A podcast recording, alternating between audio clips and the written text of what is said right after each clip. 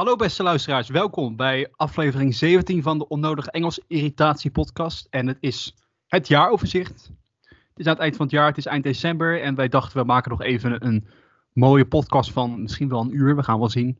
Over de grote thema's van dit jaar. En dat doe ik natuurlijk met George en Mike. Hallo. Hallo. Uh, ja, we hebben van tevoren even besproken. Zijn we even in conclave gegaan. En daar is zijn eigenlijk drie grote thema's uitgekomen die we willen bespreken. Toch? Ja, zeker. Waar wij van zeggen, die hebben eigenlijk het jaar overheerst. En dat zijbelt door naar volgend jaar. Dat is denk ik wel een goede, toch? Ja, dat is wel een goede. Ja, en dan gaat het dus niet over dingen als wat klimaat. En dat is allemaal ook belangrijk. Maar het gaat over bepaalde thema's die eh, ja, wat meer analytisch zijn, om zo maar te Ja, zeggen. en het gaat ook echt over thema's die echt dit jaar gelden, denk ik. Want klimaat geldt natuurlijk voor altijd. Daarom. Ehm Sjors, wil jij het eerste on- thema misschien even introduceren, of niet? Ja, het eerste thema waar we het over willen gaan hebben is het eh, vertrouwen in de politiek. Of eigenlijk eh, de lack thereof, om onnodig Engels te gebruiken. Hè? Heel erg onnodig. Eh, heel erg onnodig. Nee, er is bijna geen vertrouwen meer in de politiek, zien we eh, op landelijk niveau in ieder geval. Eh, dat zijpelt overigens ook door, denk ik, naar eh, provinciaal en lokaal niveau. Omdat heel veel mensen toch de landelijke politiek als de politiek zien. En niet meer of minder dan dat. Eh, en daar gaan we het over hebben, denk ik. Ja, heeft iemand die cijfers paraat of niet? Voor mij was het... Ja, dat is een goede vraag. Eh, eh, ik zat er ook even aan te denken. Volgens mij was het nu dat 65% van de Nederlanders zegt dat het de verkeerde kant op gaat met Nederland. Dus dat is best wel een bout statement. Dat is echt niet zo. Maar het was, het was altijd veel minder.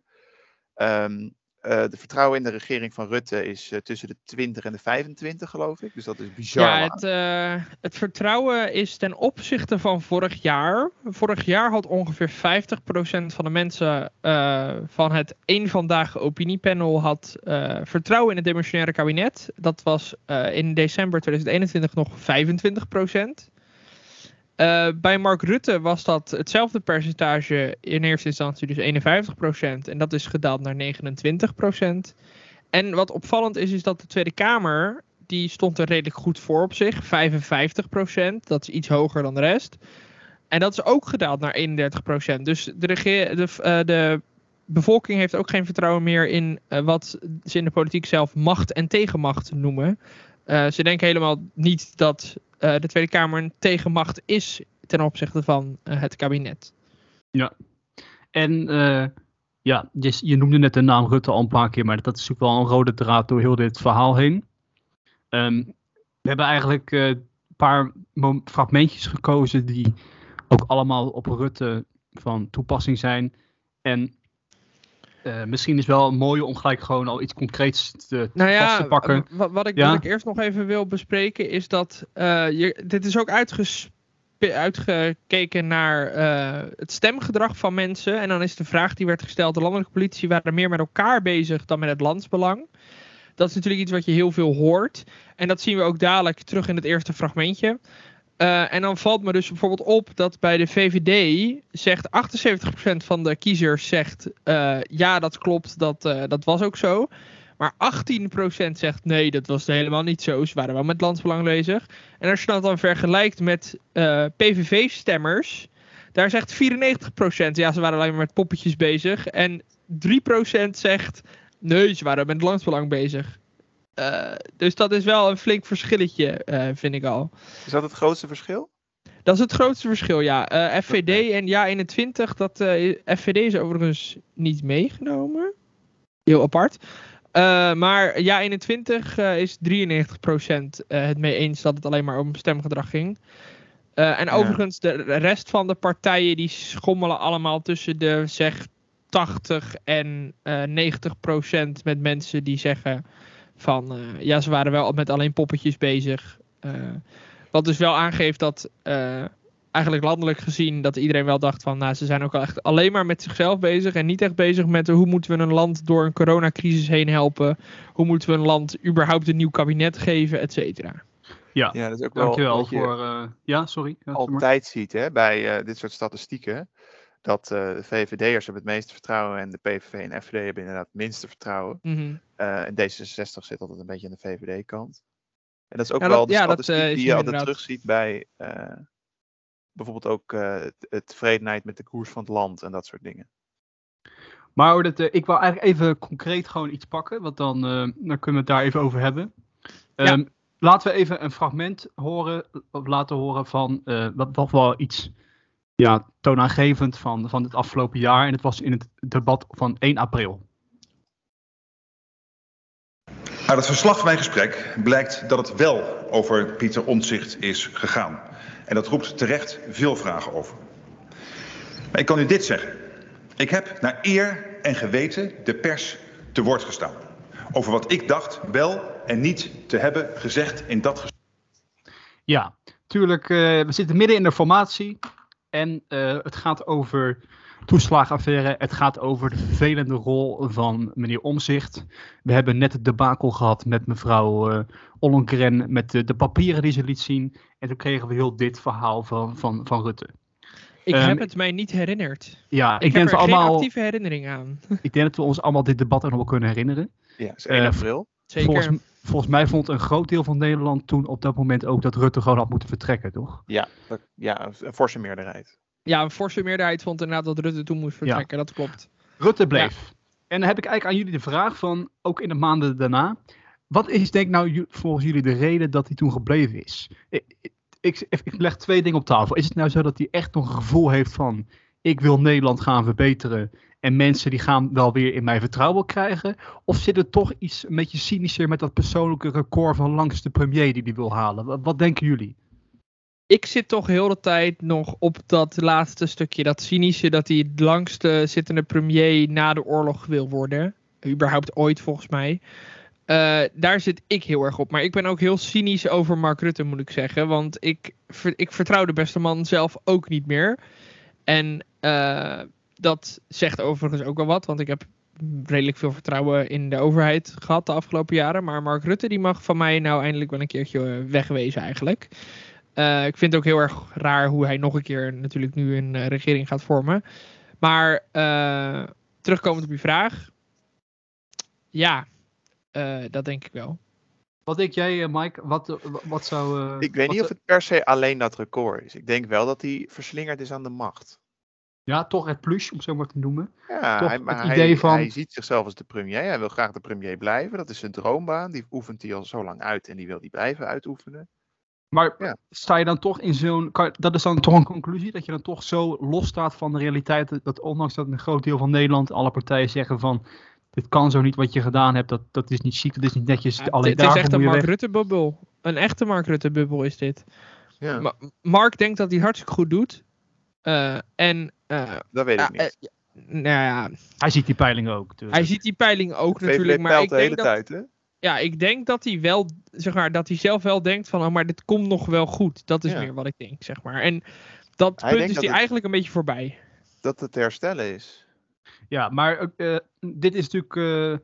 Fragment natuurlijk gekozen, want ja, dit zijbelt natuurlijk gewoon heel het jaar door. Hè? Dat die, dat, Ja. die, die rot die erin zit Ja. over die reputatie, maar ook over omzicht. Want omzicht gaat niet weg, natuurlijk. Die zit in de Kamer. En ehm, ik weet niet of jullie nog de laatste peilingen van Maries de Hond hebben gezien. Maar volgens mij, als zou, als zou omzicht nu een partij oprichten, zou die nog steeds uitkomen op 22 zetels of zoiets. Zoiets, ja. Zoiets, ja. Ja, Spectaculair, dat, dat ziet Rutte ook. Dus, eh, ja Omtzigt heeft natuurlijk een beetje het, eh, het voordeel van ook het gunnen natuurlijk. Hè, als we het over die peilingen hebben, even snel.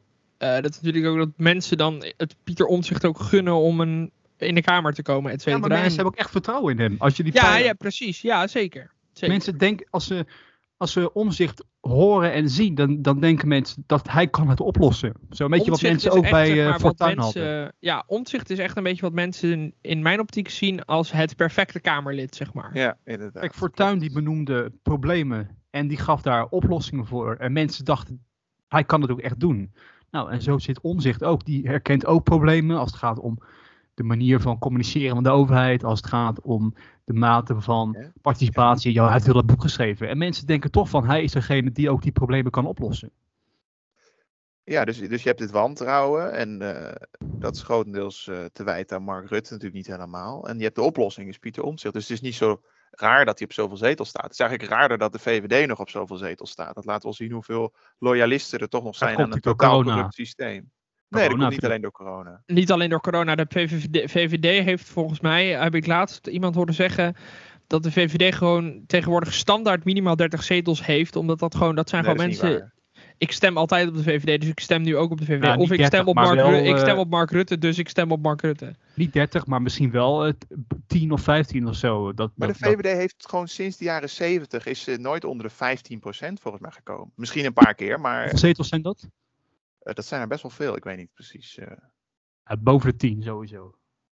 ja. Dat sowieso.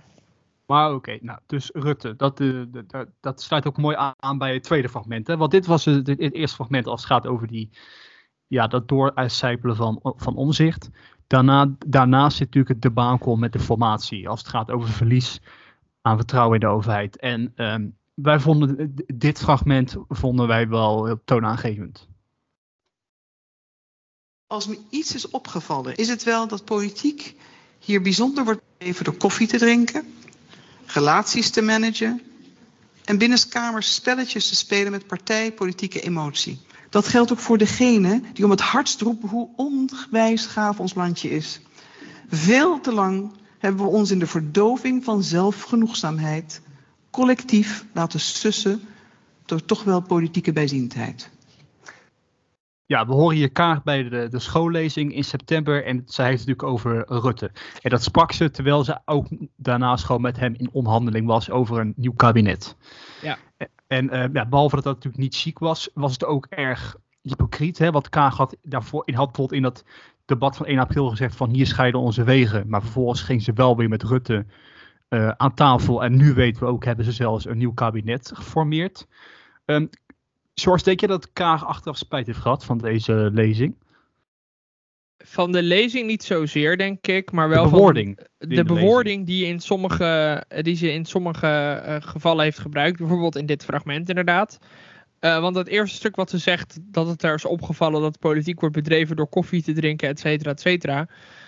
Ehm, dat is nog ineens zo heel heftig, maar vooral het stukje daarna natuurlijk dat ze zegt van, eh, ja, dat is vooral voor de mensen die ons landje het meest fantastische landje ooit vinden. Ehm, dat was gewoon heel duidelijk. dat was gewoon heel duidelijk. Kijk, Mark, eh, dikke vinger naar jou, om het zo maar even Ja, te maar zeggen. wat, eh, kijk hoe het in, haar, in haar gezicht geklapt is. Kijk, zij, zij spreekt in die speech natuurlijk over wat jij zegt. Van, er, is een bepaalde, zijn bepaalde problemen, bepaalde mensen die het op een bepaalde manier doen. En daar zijn wij als D66 niet van. Maar vervolgens zitten ze nu wel weer gewoon bij diezelfde mensen aan tafel. Ja, en Dat, dat, is komt, denk ik de kern van het probleem. Ja, en dat komt omdat D66, eh, lokaal, landelijk en provinciaal, altijd graag het bestuur wil zitten. Want wij willen graag dat het land bestuurd wordt en niet dat het land zonder bestuur doelloos wegdrijft. En dat zag Kaag een soort gebeuren natuurlijk. Met een formatie die bijna een jaar duurt eh, en nog steeds geen regering heeft. Eh, Ja, dan en, wil D66 eh, op een gegeven moment gewoon dat er een regering is. En dan accepteren de partij, accepteert dan dus dat, eh, dat ook bijvoorbeeld, stel er zouden nu nieuwe verkiezingen komen. Ja, dan verliest D66 dik. Ja, dat is de cynischere oorzaak. Ja, precies. Terwijl D66 eigenlijk ziet, de, de partij denkt zelf, en daar ben ik het als partijlid ook mee eens. Eh, het land moet bestuurd worden, dus gaan we maar in het bestuur zitten. Want we zijn nou eenmaal de tweede partij van Nederland, dus dat moet gewoon, punt. Eh, en dat het dan met de VVD, eh, met de VVD, het CDA en weer de CU is, ja. ik denk niet dat heel veel D66'ers er per se heel blij mee zijn. Maar ik denk ook dat ze het als een noodzakelijk kwaad zien. dat het wel gebeurt. Natuurlijk, Mike, als het gaat over verlies van vertrouwen.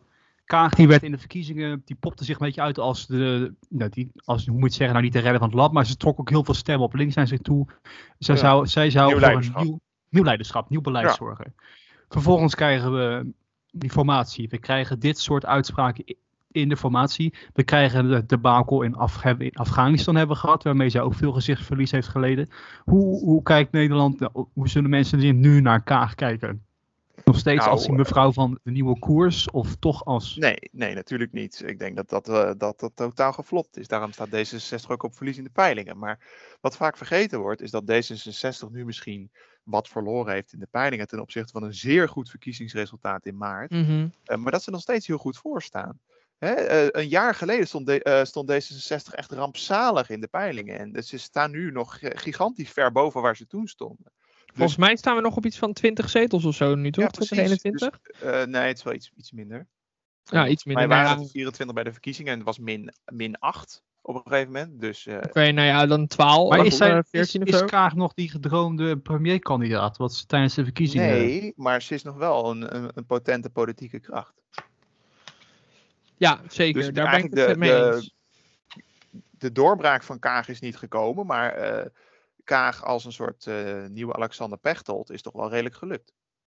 Ja, maar eh, die, die speech die ze, die, die ze hield, die we gehoord hebben, dat droeg toch niet bij aan eh, een succesvolle afronding van de formatie. Nee, en ik denk ook dat in speeches eh, dat dat En- ook laat zien dat er eh partijintern, zeg maar, ook daar dingen zijn gebeurd die niet helemaal klopten. Want Kaag maakt natuurlijk nooit een speech helemaal zelf. Eh, en ik denk dat daar ook wel dus dingen eh, intern bijvoorbeeld misschien zijn fout gegaan bij eh, de partij. Dat daar dus mensen toch niet genoeg hebben gecontroleerd en hebben gekeken van ja, wi- willen we dit wel zo zeggen, et cetera. Natuurlijk sowieso tijdens de formatie D66 best wel een paar keer negatief in het nieuws te komen. Dat denk Ja. ik ook aan toen dat bericht over dat meneer Remkens, dat met dat dronkenschap en zo, dat hebben ze toen ook weer naar gelekt naar buiten. Ja, en Ja. dat sloeg uiteindelijk sloeg dat eigenlijk nergens op, hè? Want dat, is dus, dat was dus ongegrond, die hele, eh, Ja. dat die hele discussie. Maar daardoor was Remkes wel een soort weg als eh, informateur. Eh, dat heeft ook niet echt geholpen voor een voorspoedige... Nee, maar ook het vertrouwen, daar hebben we het natuurlijk over. Dat heeft, dat ja precies. Hij heeft, ook niet in het vertrouwen geholpen. Nee, natuurlijk niet. En dat is dus het punt waar ik het net over had. Met dat de politiek meer bezig is met de poppetjes dan met het Precies, land ja. En ik denk dat dat gewoon het grote punt is waar we eindelijk een keer vanaf moeten. Eh, dat we niet bezig meer zijn met van wie zit daar nou. Maar dat we met z'n allen bezig zijn met hoe gaan we dit land besturen. En hoe gaan we dit land beter maken. En dan natuurlijk heeft iedere partij daar andere ideeën over. En iedere partij denkt van, nou, wat die andere partij doet, nou, dat is volgens mij niet zo handig of niet zo goed. Maar daarover moet de discussie gaan. En niet over, oh, maar Mark Rutte zit daar, dus ga ik daarom in met hem in debat. Want hij zit daar. Ja, maar om daar toch even bij te blijven, we hebben nog een derde fragment eh, geïdentificeerd van een belangrijk moment afgelopen jaar. En dat gaat over de toeslagenaffaire, wat natuurlijk ook nog steeds gewoon doorrot in het vertrouwen van Ja. de, de, in, in de politiek. En eh, een belangrijk fragment was tijdens het formatie, nee, tijdens het verkiezingsdebat in februari. Ja, u heeft mij in de steek gelaten.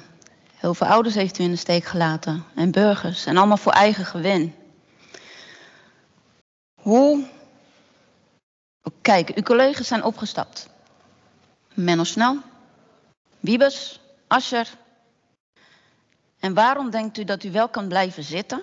als eindverantwoordelijk in de toeslagenaffaire? Wauw, het is heel bijzonder dat, je, dat we hier zo staan. We hebben elkaar drie weken geleden gezien in het, eh, in het katshuis met een klein groepje lang gepraat. Wat jullie hebben meegemaakt is verschrikkelijk. Eh, uw verhaal, maar ook het verhaal van de anderen. Kinderen die soms uit huis zijn geplaatst, huwelijken uit elkaar, bedrijven kapot. De schade is niet alleen financieel, die kunnen we nog proberen recht te zetten. Maar er is ook heel veel schade die niet meer te repareren is. Ehm, het is zo verschrikkelijk. Eh, Dat raakt de Kamer, het raakt het kabinet, het raakt natuurlijk mij. Ja, eh, Rutte. Eh, mooie praatjes, maar eh, mensen denken, denken gewoon niet meer dat hij dat nog echt in orde kan maken. En dat wel een goede conclusie is. Ehm, hoe zien jullie dit voor je, voor het kabinet wat er nu aan gaat komen? Hoe gaan zij dit kunnen oplossen of gaat dit toch weer... Nou ja, de toeslagenaffaire kunnen ze financieel natuurlijk wel oplossen.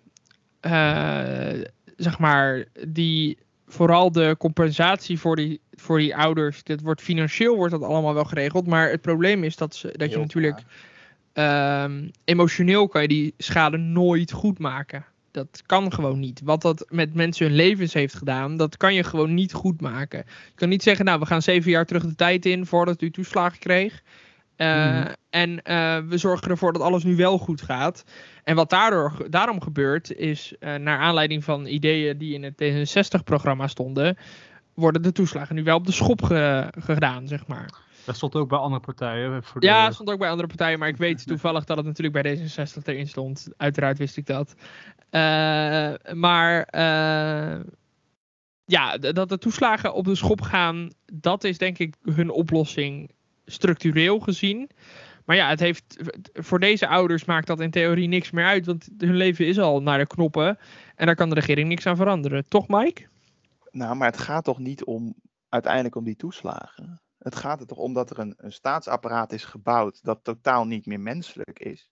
Ja, En dat. Mark Rutte is daar de manager van. Maar die is natuurlijk niet. eh, ik bedoel, alle woede richt zich terecht op hem. Omdat hij gewoon een verschrikkelijke manager is. En veel te lang hier zit. En gewoon op moet ophoepelen. En dat gaat hij ook doen naar dit kabinet. Want dit wordt een, een kort kabinet, neem ik aan. eh, dat op een gegeven moment verdwijnt. En daarmee verdwijnt Mark Rutte. En daarmee gaat Nederland een politieke aardverschuiving tegemoet. Maar dat betekent nog niet dat dat rotte staatsapparaat is doorgelicht. En dat zal iemand anders moeten gaan doen. Ja, Nee, en ik denk ook wel dat dat, dus het zit natuurlijk veel dieper bijvoorbeeld. eh, kijk ook naar de eh, uitvoeringsorganisaties. Waar ook gewoon dingen structureel misgaan en mis zijn. Omdat ze zeggen, ja, we voeren alleen de wet uit. En niet zelf nadenken over de menselijke maat in de wet dan. nou, die is gewoon weg, de menselijke maat. Ja. Er is geen menselijke maat meer. Nee. Misschien is dat wel een mooie conclusie voor de, het vertrouwen. Dat gewoon die menselijke maat terug moet. Ja, en dat is dus ook die belofte van omzicht. Ja. Dus eigenlijk wat je ook ziet, het, gaat, het, het is nog veel groter dan eh, zelfs dan macht of tegenmacht. Het gaat eigenlijk over een bepaalde manier van denken over bestuur, wat sinds jaren tachtig is ontstaan en die nu gewoon catastrofaal is gebleken. En die zal het veld moeten ruimen in de komende twintig jaar. Ja, en het liefst sneller. Maar goed, wa- wat je, wat je zegt, het is ja, maar ja, ontstaan allemaal belangen vanaf de, ja, ja, ja, ja, en het is ontstaan vanaf de jaren tachtig. Dat kan je niet even in vijf jaar ongedaan maken, zeg maar. Nee, dat is Nee. vervelend van. Maar ik denk dat het wel een mooie eh, conclusie is of, om dit thema mee eh, te beëindigen. Dat gewoon Ja. die mens, de menselijke maat terug moet. Ehm, jongens, het tweede grote thema dat dit jaar natuurlijk, eh, ja, jammer genoeg eh ach, overheerst. Het is natuurlijk weer corona. Eh, ik wou eigenlijk alleen, ik wil er niet heel lang bij stilstaan, want je wordt er echt moe van. Maar eh, hoe vinden jullie wat, wat het nu op het laatste, nu het actueel is? Wat, hoe vinden jullie dat het nu gaat? George? Is ook, is, is ook niet goed voor het vertrouwen. ja, hè, Mike, wil, ik, zeg maar. wil ik nog even tussendoor zeggen. Corona. Nee, Nee, zeker. Heeft zeker echt niet. ook hele grote klappen aan het vertrouwen in de overheid gegeven. Pingpongbeleid, hè, om het zo maar even te zeggen. Ja, maar Pingpongbeleid. pingpongbeleid, maar natuurlijk ook gewoon eh, de manier waarop met ongevaccineerden wordt omgegaan bijvoorbeeld. Eh, ja, Dat- ook. Ja, dan kun je zeggen, daar kun je groep vinden wat je vindt, maar dat is wel 15% van de bevolking. Dus die, daar Ja, precies, daarom. het, het is niet, zeg maar, eh, je kan het er niet mee eens zijn dat mensen ongevaccineerd daar, daar kan je het heel goed in mijn optiek niet mee eens zijn dat mensen ongevaccineerd zijn. Maar aan de andere kant eh, is het inderdaad wel, wat je zegt, 15% van je bevolking. Maar over corona op dit moment, ehm, ja, we zitten nu natuurlijk weer in een eh, ja, lockdown, anders kan je het niet zeggen. Hmm. Ehm, en die is vroeg ingesteld, wat een, natuurlijk een anders is dan wat we voorheen hadden. Dat we achter de feiten aanliepen. Nu waren we een soort de feiten tevoren. Eh, en wat ik eigenlijk hoop, maar wat ik denk dat niet gaat gebeuren. Eh, ik hoop dat ze inzien, nou oké, Omicron is toch minder eh, gevaarlijk dan we dachten. Dus we, eh, de lockdown is op 14 januari klaar. Ik denk eigenlijk alleen dat ze de lockdown verlengen tot en met eind januari. Wanneer iedereen is geboosterd die dat wil. Ja, maar En Ja, dan gaat vanaf 1 februari gaat het land weer open. Dat denk Maar ik eerder. dan wil ik wel even iets over zeggen. Want ehm, kijk, je hebt nu in de wereld een hele scheve verhouding. Je hebt landen zoals Israël en Europa waar mensen al de- drie of zelfs straks vier keer een prik gaan halen.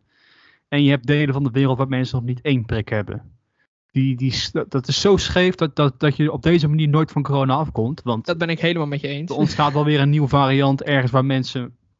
Dus dat even al, allereerst. Dus dat, dat is dan de conclusie die we voorbij allemaal wel delen van corona. Dat, Nee. dat, dat blijft. Daar moeten we. Ja, dat deel ik. Maar ik bedoel, je gaat niet met corona afkomen door prikken. Dat is toch wel gebleken afgelopen jaar. Die prikken die werken een tijdje en daarna is het uitgewerkt. En je kan nooit iedereen tegelijk prikken. Dus Daar ben ik het mee eens. moet- maar ik denk wel, dat. Met- ik denk met de wel dat een vaccinatie kan helpen eh, met de, eh, het tegengaan van het ontstaan van nieuwe virusvarianten, zeg maar. dat weet ik niet. Daar ben ik niet genoeg En dat, ke- dat dan, moet anders formuleren. Met de prikken kunnen we er wel voor zorgen dat, dat de zorg minder belast wordt. Waardoor op een gegeven moment het normale leven weer.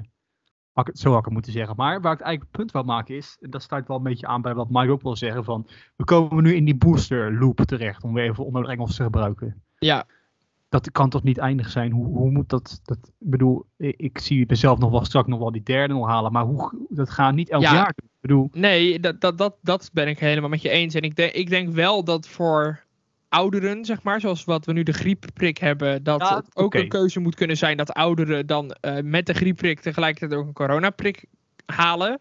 Want in het najaar zal een virus als corona zal nou eenmaal meer opleveren dan dat het in de zomer doet. Eh, dat is gewoon inherent aan het soort virus natuurlijk. Eh, maar ik denk niet dat we moeten blijven volhouden dat de hele bevolking iedere keer maar weer zo'n booster moet halen, et cetera. Eh, niet alleen omdat ik bang ben van prikken, maar ook gewoon omdat ik vind van dat kan je gewoon niet voorhouden, toch? Ja, dat is, dat is wat ik bedoel. Dan kom je in die loop terecht. Van oneindig. En dan steeds als het weer. Dus prikcijfers weer achterlopen, dan weer een nieuwe lockdown. En dat, dat werkt gewoon niet. Ik bedoel, we zijn nu. Onze lockdown nu. We zijn nu de enige in Europa die dat hebben. De rest van Europa laat gewoon zijn gang gaan. En terecht blijkt ook, want Omicron blijkt wel snel besmettingen te hebben, maar blijkt veel minder ernstig te zijn. Veel minder snel het ziekenhuis. Dus nu hebben, hebben we één keer geprobeerd om van tevoren te handelen. En nu staan we nog als enige weer op, op een dom besluit. Dus het is, het is gewoon weer een zootje. Maar dat, dat daar wil Mike vast wel iets over zeggen. Nou ja, kijk, eh, ik, ik ben gewoon heel cynisch over van, eh, dit is zo dom, weet je wel. Als wij dit kunnen snappen, is het dan wel, hebben zij dan wel echt als doel om het beter te maken voor ons? Of is het gewoon, hé, hey, we hebben een nieuw machtsmiddel, je gaat mensen laten prikken en anders kun je ze buitensluiten. Ja, dat is wel. Ik, ik, dat, is wel het gevaar van dit alles. En dat sluit ook aan bij het vorige thema. Dat dat cynisme er gewoon insluit. En dat, eh, wat ook terecht op sommige punten, wat zo lijkt het soms wel een beetje. Als je ziet hoe er inderdaad wordt omgegaan met bepaalde groepen. Want wij hebben natuurlijk hier in de podcast altijd al gezegd dat eh, dat, dat begin toen, nou hoeveel maanden is geleden is het, dat ze voor het eerst kwamen met het bewijs. Dat het gewoon voor zulke, voor zulke problemen zou leiden. En nu heb je het eenmaal, is het eenmaal, nu kan je het ook moeilijk weer wegkrijgen. Ja, Ja, nee, dus nee we zijn natuurlijk eh, tegen, tegen, onafhang, of tegen eh, wat moet ik zeggen, segregatie op basis van prikken, zeg maar, om het zo maar even te zeggen.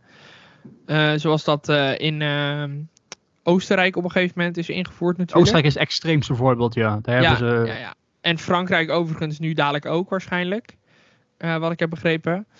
Eh, dat in Frankrijk ook ongevaccineerden strenger gestraft tussen aanhalingstekens worden. Ik denk dat eh, over een tijdje dat de eerste, de eerste onderzoeken gaan komen, de resultaten. En die laten zien dat, dat op de korte termijn het misschien wel wat medisch inderdaad succes heeft en minder ziekenhuisopname. Maar dat op de lange termijn dit soort besluiten ervoor zorgen dat hele samenlevingen verscheuren. Ja, daar, eh, daar ben ik het denk ik wel mee eens. Ik, we wachten natuurlijk graag het onderzoek af om even Siewert van Linden eh, te kopiëren. Eh, maar ik denk wel dat dat inderdaad eruit gaat komen, zoiets. Ook nog wel een puntje dat ik wil noemen is dat het gek is hè, dat alle landen in Europa allemaal zo één, die zijn ook al bezig met evalueren. En die hebben ook al bepaalde, bijvoorbeeld in Groot-Brittannië zijn al hele parlementaire onderzoeken geweest. Waar bijvoorbeeld Johnson moest getuigen en ministers van, onder, ministers van ge- geneeskunde. En hier in Nederland eh, eh, zegt gewoon steeds, het kabinet Rutte zegt gewoon steeds, nee, dat evalueren komen later pas. Eerst een crisis te managen. Dat is al zo twee jaar, maar dat is, nu Ja. zie je dat op een gegeven moment gewoon al twee jaar dezelfde fouten worden gemaakt. Eh, ik vind het ook heel bijzonder dat de MCC, zeg maar, de ministeriële crisis, crisiscommissie, die is er nog steeds. Terwijl er staat heel duidelijk in de wet dat het voor acute crisissituaties is. Het is niet voor iets van twee jaar duurt. Dan moet je daar maar iets anders voor oprichten. Daar moet je niet de MCC voor gebruiken. Punt. Het interesseert ze allemaal niks. Nee, ja, eens, Mike. Maar dit is ook weer, gaat ook weer terug naar vertrouwen in de politiek. Dat ik denk, ja, eh, eh, er klopt gewoon iets niet.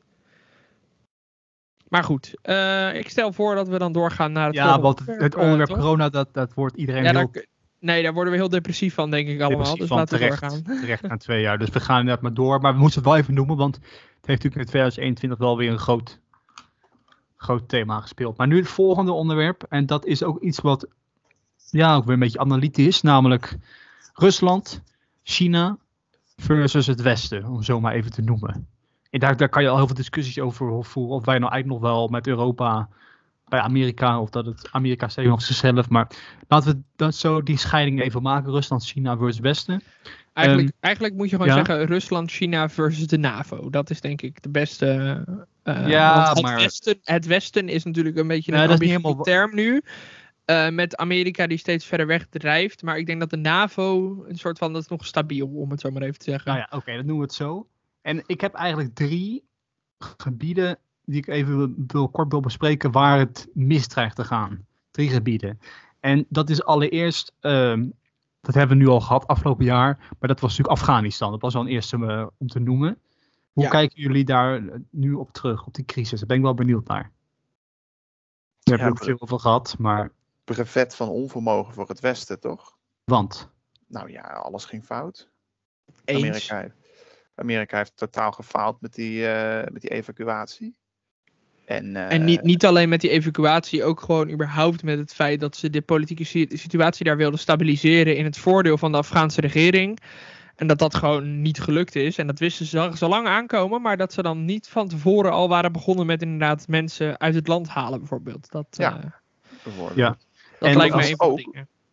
de totale onvermogen van, vanuit ideologisch perspectief, hè, om politieke redenen, om te willen samenwerken met gewoon de, op wat op dit moment de echte regering van Afghanistan is, namelijk de Taliban. Ja, die is nog steeds niet erkend overigens. Hè. Dat Nee. vind ik echt bijzonder dat het hele, eh, de hele NAVO en het hele Westen, om het dan maar zo maar even te zeggen, hebben nog steeds de Taliban niet erkend. Terwijl in mijn optiek, eh, Ja. als je kijkt naar, naar de geschiedenis, niet alleen van Afghanistan, maar gewoon van de hele wereld, zij zijn legitieme machthebbers daar nu. Ze hebben dat, dat die macht daar legitiem over. Ongeacht of wij het een, een, een vreselijk beleid vinden natuurlijk. Ja, precies. Ik, ik snap het, hè. Ik, ik snap het, want ik vind het vreselijk wat daar gebeurt met eh, mensenrechten eh, in dat land op dit moment. Maar ze hebben daar de macht. En is het dan niet fatsoenlijker om te zeggen, we erkennen jullie macht. Tuurlijk, ik zou niet dan meteen zeggen, nou dan bevriezen we, dan eh, ontvriezen, of ontdooien, moet ik dan eigenlijk zeggen. Ontdooien we meteen al jullie te goede weer. Dat lijkt me geen goed idee. Uh, maar wat je nu ook ziet, wat ik vanochtend toevallig ook op de radio heb gehoord, is dat er gewoon ook Afghaanse burgers zijn. Die kunnen niet bij hun spaargelden. Want ja, die hadden ze in dollars en in euro's uh, gedaan. Want ja, dat is een stabiele munt. Ja. En dat maar is nu dat... gewoon allemaal bevroren, omdat de ziet... Taliban de macht daar heeft. Je ziet wel in het geschiedenis dat dat vaker natuurlijk gebeurt. Hè? Dat is natuurlijk, denk even aan toen de Sovjet-Unie, dat heeft ook heel lang geduurd voordat de rest van de wereld dat erkent. Ook even aan uh, uh, nationaal Spanje, om zo te noemen. Dat heeft ook lang geduurd voordat het officiële erkenning kreeg na de burgeroorlog. Afghanistan, het is gewoon, uh, ja, misschien mensen dat gaan erkennen. Dat, dat, dat, daarmee geef je natuurlijk je eigen fouten toe.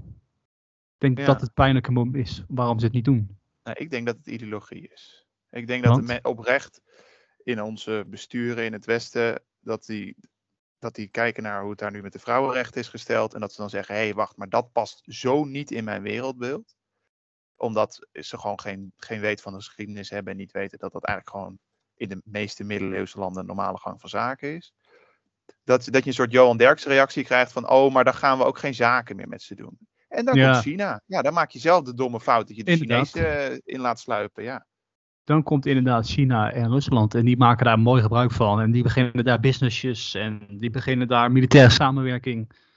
En voor je het weet. Ja, wat, je, wat je natuurlijk wel nu ziet, uh, vorige week volgens mij heeft de VN wel uh, getracht om daar wel uh, iets van contact met de Taliban te leggen. Natuurlijk voor die bescherming van VN-personeel.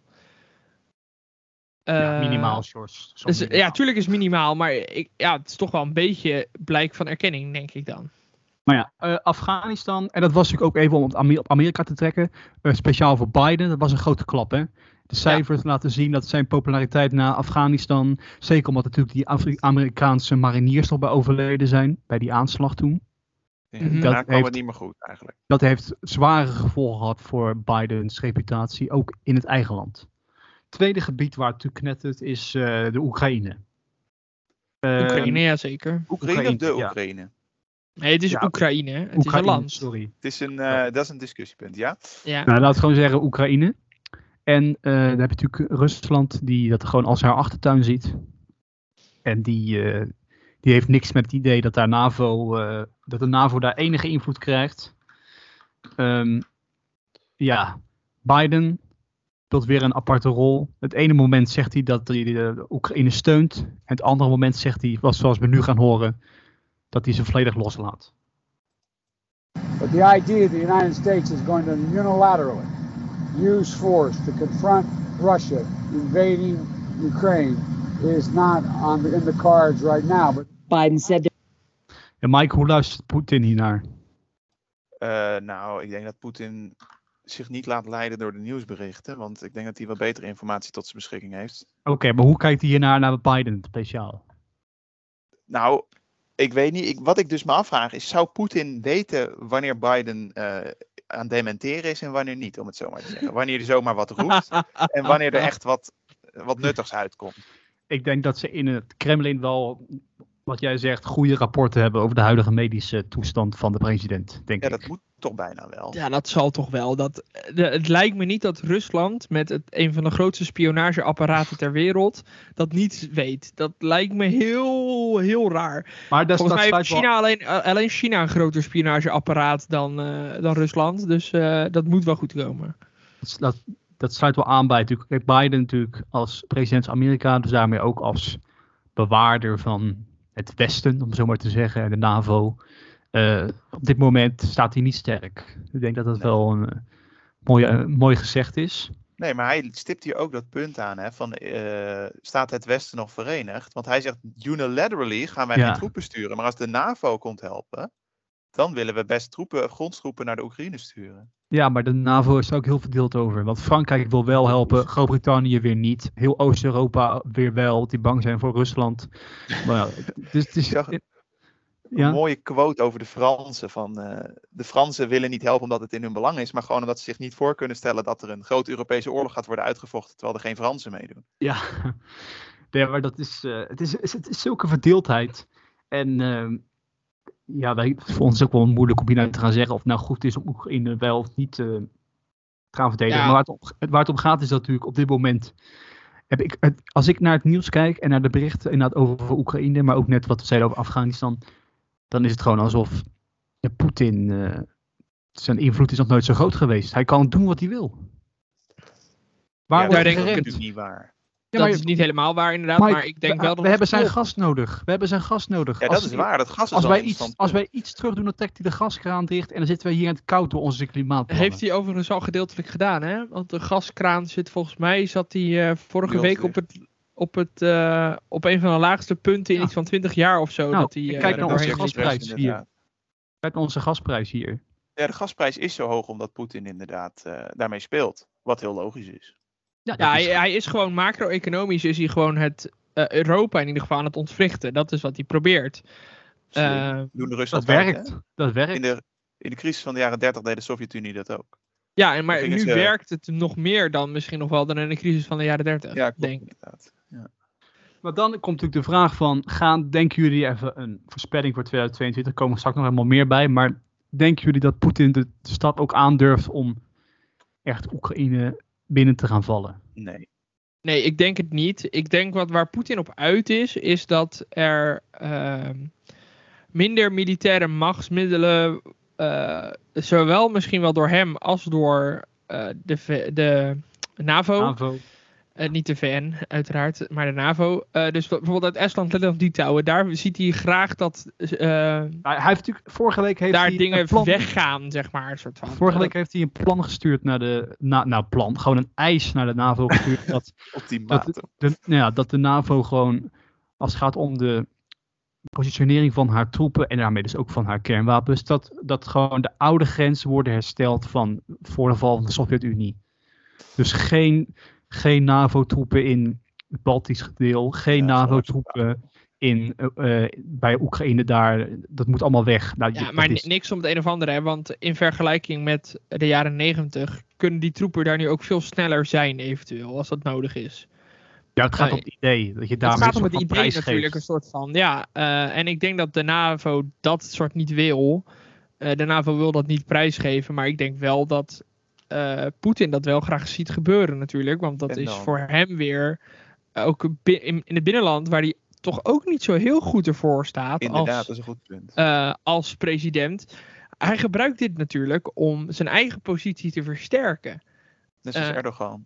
Net als Erdogan, ja inderdaad. De- die gaat, laat de lira gewoon eh, vernietigen, om het zo maar even te zeggen. Om zijn eigen gewin eh, te laten zien. Maar jullie zien het niet gebeuren dat hij ook echt Oekraïne binnen gaat vallen. Dat is wel een heel riskante move. Ik weet niet of hij dat Ja. durft. Misschien in een dubbelcrisis. Als, Want- eh, Ja, als precies. China over Taiwan gaat pakken, dat hij eh, tegelijkertijd... Ja, want dat pakt. is gelijk Ja. het, volgende, het volgende gebied dat Ja, eigenlijk, eigenlijk, eigenlijk misschien een soort inderdaad dan eh, bijna derde wereldoorlog eh tafereelen krijg je dan. Als de een dat doet, dan doet de ander dat ook, zeg maar. Dat denk Ja. ik inderdaad. Dat wil ik even mogelijk. benoemen. Taiwan. Eh, Amerika heeft daar hetzelfde probleem. Namelijk, moeten ze Taiwan gaan verdedigen, ja of nee? Ja, dat doen Maar- ze toch in feite al bij Taiwan? Of zie ik dit Nee? Biden heeft daar ook Ja, de ene keer maar- Biden heeft er ook de ene keer over gezegd dat ze troepen sturen. De andere keer dat, ze, dat het alleen maar is om te trainen. En dat in het geval van oorlog ze direct weggaan. Ja, hoe, hoe kijken jullie daarnaar? Eh, dat is misschien nog wel interessanter. Want China Want? is veel sterker. Ja, En, zeker. en als China door Taiwan heen is, dan hebben ze de eilandenring gebroken. En dan ligt niks meer in de weg om de wereldmacht te worden. Dus dat is eigenlijk veel interessanter dan wat in de Oekraïne gebeurt. Eh, Denken jullie dat, eh, kijk, China, China heeft als voordeel dat wat Rusland niet heeft. Rus, om even in die klassieke term te spreken van eh, China, die heeft de klok, maar wie, wie heeft de tijd hier? Nou, wat ik wil zeggen is dat, kijk, Rusland op, heeft geen lange termijn. Lange termijn voor Rusland ziet er niet best uit, om het zo maar te zeggen. Volledig afhankelijk van fossiele brandstoffen, bevolking die steeds armer wordt. Ouder wordt, En ouder. wordt. Dus dat is Ja, de- en China, heeft China dus is juist tijd. een opbouwende economie in dat opzicht. Precies. Nou, China, nou, China gaat richting wat eh, we nu in Europa hebben. Daar gaat China ook richting toe. Want kijk even naar de industriële revolutie, Mike. We zijn alle Ja, drie nee, nee, oké. Eh, Ik heb toen hadden wij ook een hele grote population boom ineens. En Ja. eh, daar zijn we nu 70 jaar, 80 jaar eh, later, zijn we daar, is dat allemaal verminderd. En nu, 120 jaar la, na de, nee langer, 150 jaar na de industriële revolutie. Ja, eh, in Nederland. dan, ja. in Nederland dan, zi- zitten we op een, een soort, een beetje on- ons hoogtepunt, om het zo maar te zeggen. En China Ja. gaat daar ook richting toe, in ieder geval richting die Ja. eerste stappen. Ja, wat mensen dat daar zeggen is dan dat China daardoor die invasie gewoon over een jaar of 30, 40 doet, zoiets. Vergeet Die laat het niet, gewoon, hè. die laat het heerlijk dooretteren, al die tijd. Al die tijd de twijfel bij de rest van de wereld van gaan ze het wel of niet doen. China heeft de tijd. China heeft wel de tijd, dat is waar. Maar vergeet ook niet dat die Chinese economie moet wel blijven draaien. Dat is een belangrijk punt. Want als dat niet gebeurt, dan heeft de communistische partij eigenlijk weinig meer om aan de bevolking Nee, te tonen. klopt. van- Ja, maar daar kopen ze heel Afrika voor op. Dat klopt, dat, dat klopt. dat werkt Nou, ook, want Dat, dat, eh, dat, werkt. wij Kijk toe. maar naar Europa. Maar ehm, een ander punt is dat de demografische situatie in China helemaal niet zo gunstig is. Omdat ze eh, ook met vergrijzing zitten, nu al. Dus hun eh, population boom eh, is wel een beetje over zijn hoogtepunt heen. Ze zit eigenlijk in de situatie waar Japan in zit. Alleen dan zitten ze in een eerder stadium. en alleen dan zeg maar wel met vier keer zoveel inwoners dan Japan. Ja, maar Japan heeft ook een paar honderd miljoen inwoners, dus dat eh, is wel redelijk vergelijkbaar. Hmm, ja, oké. Maar ja, dat is eh, een thema waar we wel... eh, Ja, daar moeten we ik- wel eens oog op ik, houden, las, denk ik. ik las dat, ik ben ook even om mee af te sluiten op dit onderwerp. Ehm, ik las dat er kritiek was, want in het kabinet, in de kabinetsplannen, in het coalitieakkoord, je mag voor mij niet formatieakkoord zeggen, maar coalitieakkoord, Ja, staat niks van een visie, een geopolitische visie van het kabinet op de situatie in Oekraïne, op de Nee, volgens, situatie volgens in mij Taiwan. staat er, staat er alleen één zinnetje in dat, eh, dat het kabinet in de gaten houdt wat, Ja. wat landen zoals Rusland en China mogelijk gaan doen en adequaat daarop zal reageren, iets in die richting. Eh, Wat echt niks zegt. Vinden- maar. kijk, het is vinden jullie dat- heel sumier. Vinden jullie het slecht dat daar niet eens over gesproken is? Of hebben jullie zoiets Ja. van, ja, wij zijn Nederland maar en wat- wij kunnen tot niks doen? Of Nou ja, dat tweede is wel een beetje waar, maar eh, dat het er niet over gesproken is, is wel slecht, denk ik. Dat vind ik ook slecht. Je moet toch met elkaar dan in debat gaan van, als we dan bijvoorbeeld constateren van Rusland en die energiekraan, hoe zorgen wij dan dat daarbij daar niet meer afhankelijk van zijn? Dat soort, Ja. dat soort punten. Of als China, en als je nou ziet van hoe China met Taiwan omgaat, en dan stel nou, die aanval komt er, hoe zorgen wij ervoor dat niet gelijk heel de Rotterdamse haven plat ligt?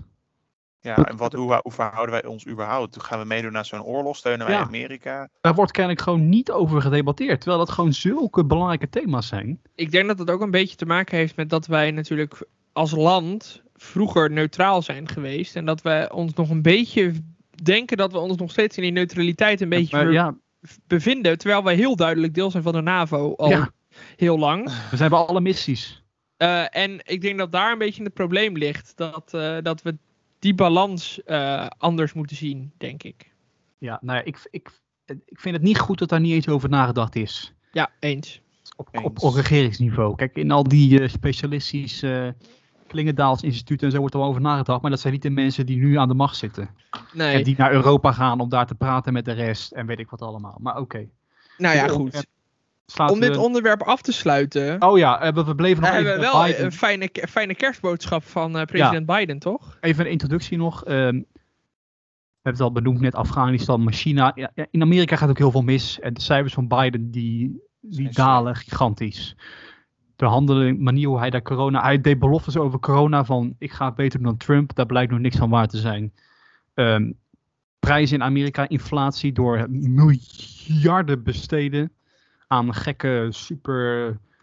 Ja, hoe moet je het noemen? We gaan alles verbeteren plannen, om het zo maar te noemen. Dat inflatie gigantisch. Build Energie- back better bedoel je toch? Dat soort dingen. Ja. Energieprijzen van die plannen van we gaan alles gewoon verbeteren. Je, je Ja. smijt er gewoon geld tegenaan en dan gaat het wel beter.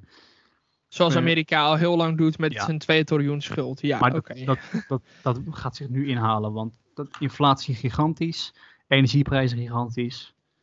Yep. Biden is gewoon niet meer populair. Dan hebben we het nog niet eens over hoe hij het persoonlijk doet, want daar kan je natuurlijk al heel veel over zeggen.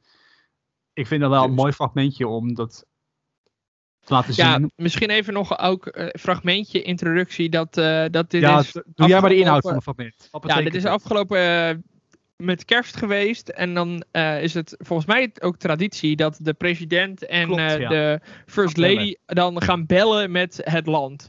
Wat op zich trouwens wel leuk is. Eh, nou hoef ik niet per se Mark Rutte aan de lijn. Maar, Theater allemaal, allemaal theater. ja, het, het is wel leuk. Het is Amerikaans natuurlijk. En eh, het gesprek eh, gaat heel goed en gaat gewoon over kinderen en over kerst en over whatever. En het gesprek eindigt als volgt. Yeah, I hope you guys have a wonderful Christmas as well. Oh, Merry thank Christmas and let's go, Brandon. Let's go, Brandon. I Yeah. agree. Hey, by the way. Ja, waarom, Eh, waarom is het grappig? Ja, dit is grappig, omdat eh, Let's Go Brandon is een kreet die eigenlijk geleid staat aan Fuck you Biden, om het zo maar even te zeggen. Of Fuck off Biden misschien wel. Fuck Joe Biden. Fuck Joe Biden, whatever. Eh, maar in ieder In- geval, dat is een ja. leus die in de, met de verkiezingen ja. werd gebruikt tegen Joe Biden. En Joe Biden zegt nu Nee, heel de leuk, verkiezingen pas. Of, eh, Na de verkiezingen, oké, prima. Eh, zegt heel, heel leuk, let's go Biden, I agree. Eh, of let's go Brandon, I agree. Ehm, wat natuurlijk ironisch is, want hij zegt dus eigenlijk over zichzelf dat hij maar weg moet gaan. Ja, Mike, wat, zien, wat zien we hier?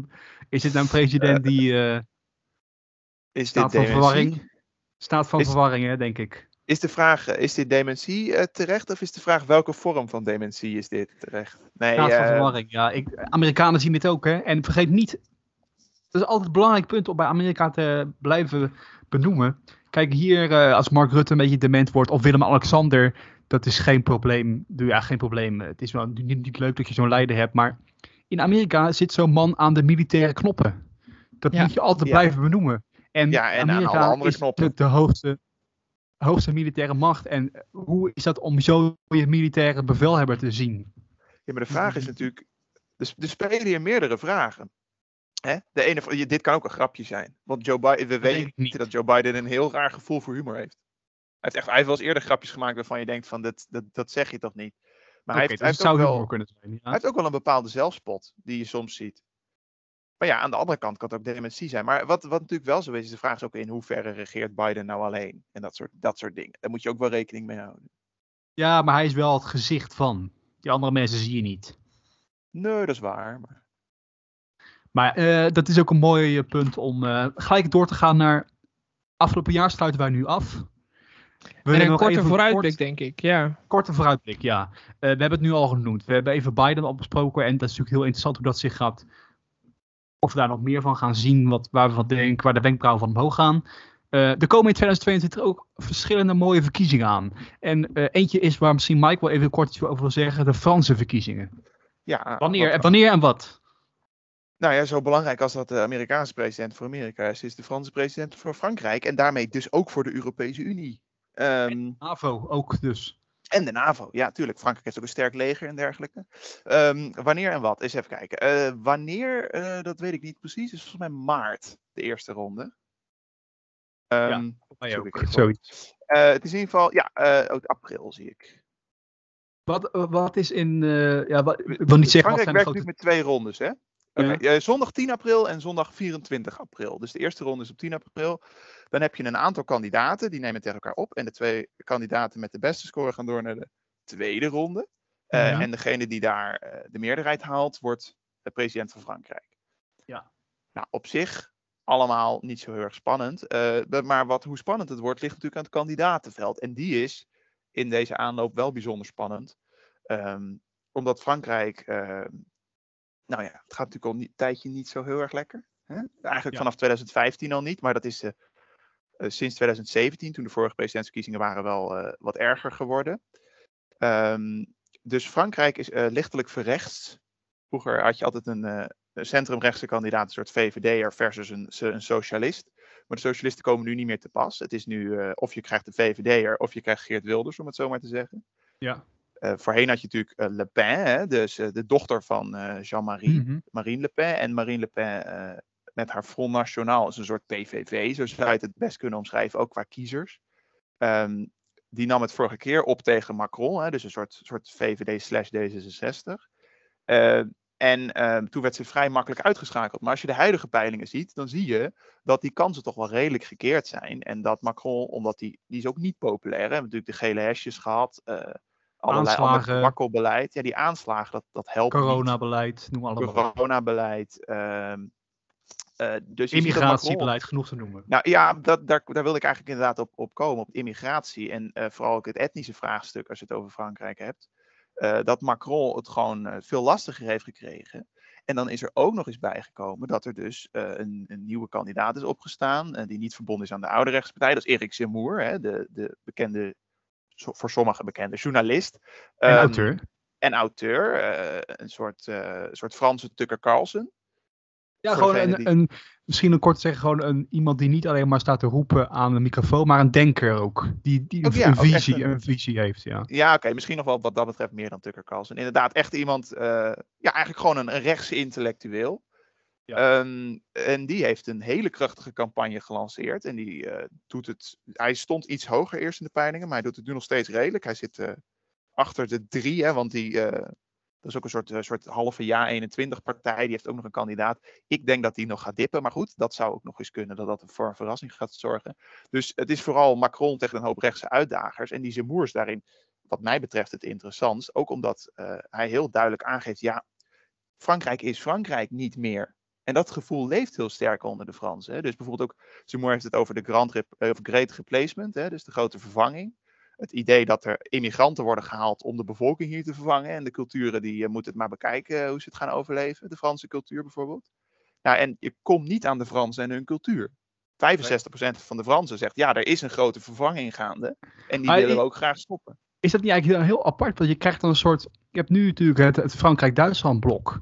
Maar de- dan krijg je dus in, in Duitsland aan de ene kant hebben we verkiezingen gehad dan. Met een, Ja, die nou, zijn een links. val van het. Ja, die zijn naar links gegaan. En, en, en, en dan zien we dat Frankrijk juist een, een tegenbeweging maakt. Ja, Frankrijk gaat nu, nou ja, misschien naar rechts. De, kans, de grootste kans is gewoon dat Macron weer president wordt. Want hij, hij heeft nog steeds de beste papieren in principe. Ja. Ehm, maar hij kan het wel lastig krijgen. ja, hij zou toch misschien wel concessies moeten doen. Want hij ziet En ook. hij moet ook in zijn taal misschien wel naar rechts gaan of in zijn handelen. Ja. Eh, Dat het wordt is niet een, zo eh, dat Zemmour Dat denk ik wel. Ik denk wel dat Macron naar rechts moet gaan. Ja, want dat, eh, dat kan eigenlijk niet anders dan toch? Nou, dat zie je ook al wel. eh. je ziet eigenlijk dat de hele Franse politiek, net zoals dat toen Geert Wilders hier opeens heel groot was in 2017, toen ging de taal van de CDA en de VVD opeens heel erg naar rechts. Dat zie je in Frankrijk nu ook. Nou, we gaan dat wel met interesse volgen, denk ik allemaal. Ehm Ja. Sjors, een tweede Mhm. belangrijke verkiezingen, daar wil ik jou graag het woord aan geven, zijn de gemeenteraadsverkiezingen. Eh, wanneer en wat? Eh 14, 15, 16 maart eh, zijn de gemeenteraadsverkiezingen in, eh, in Nederland. Waarom zijn ze nu meer van belang dan ooit?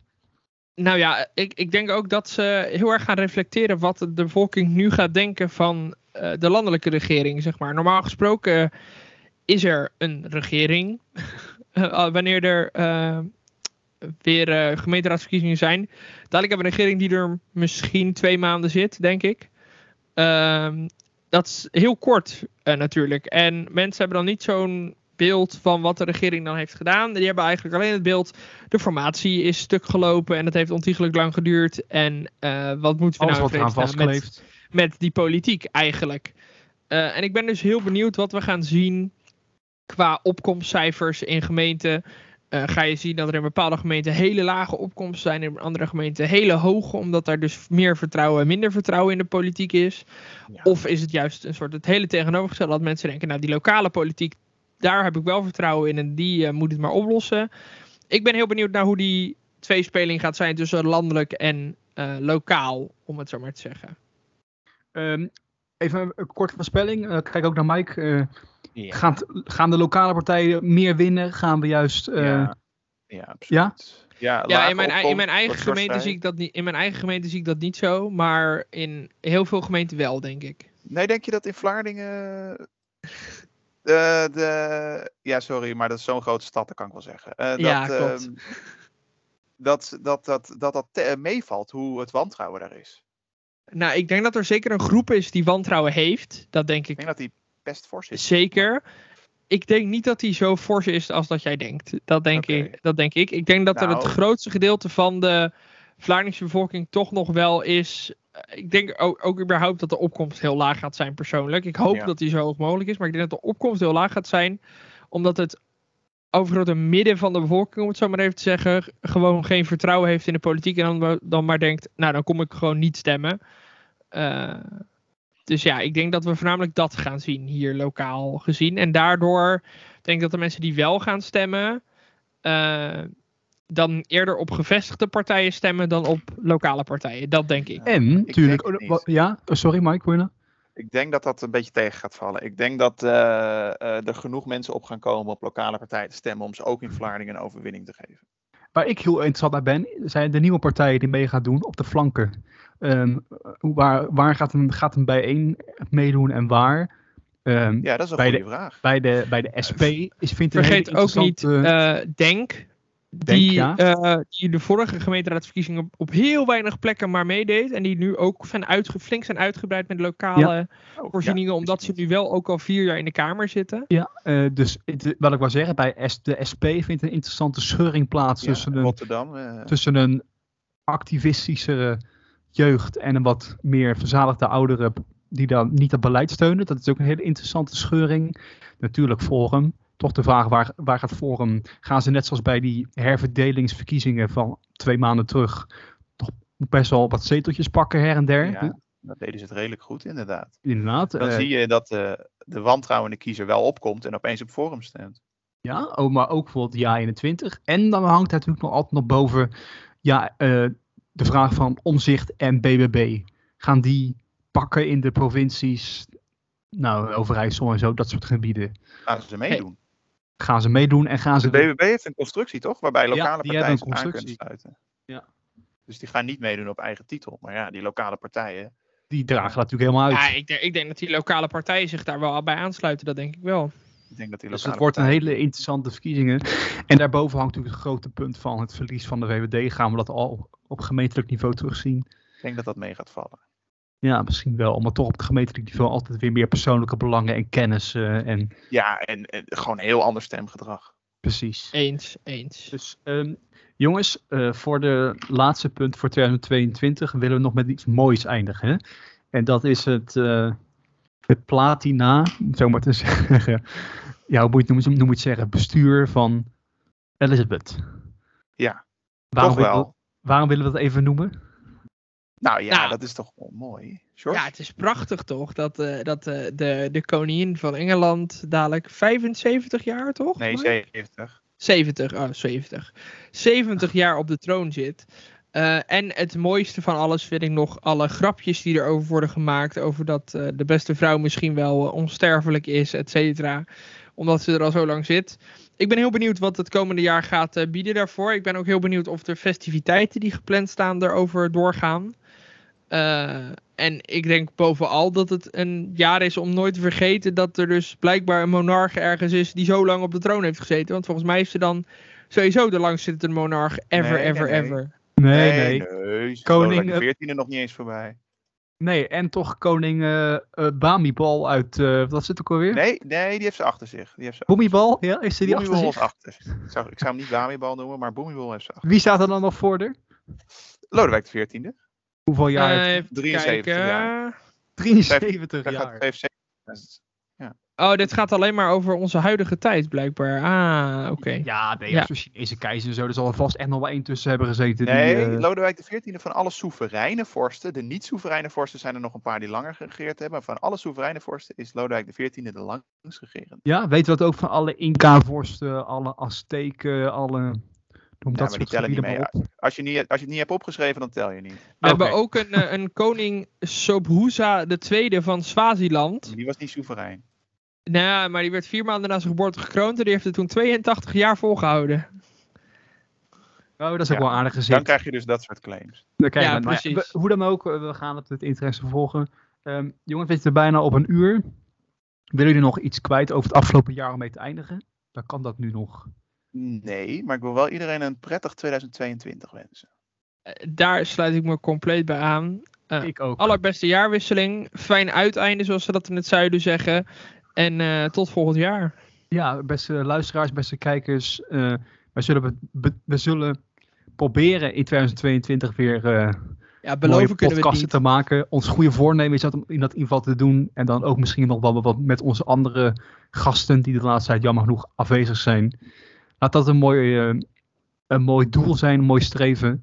En dan rest inderdaad ons niks meer om jullie allen een mooi uiteinde te, wissen, te wensen. Goede jaarwisseling en tot in 2022.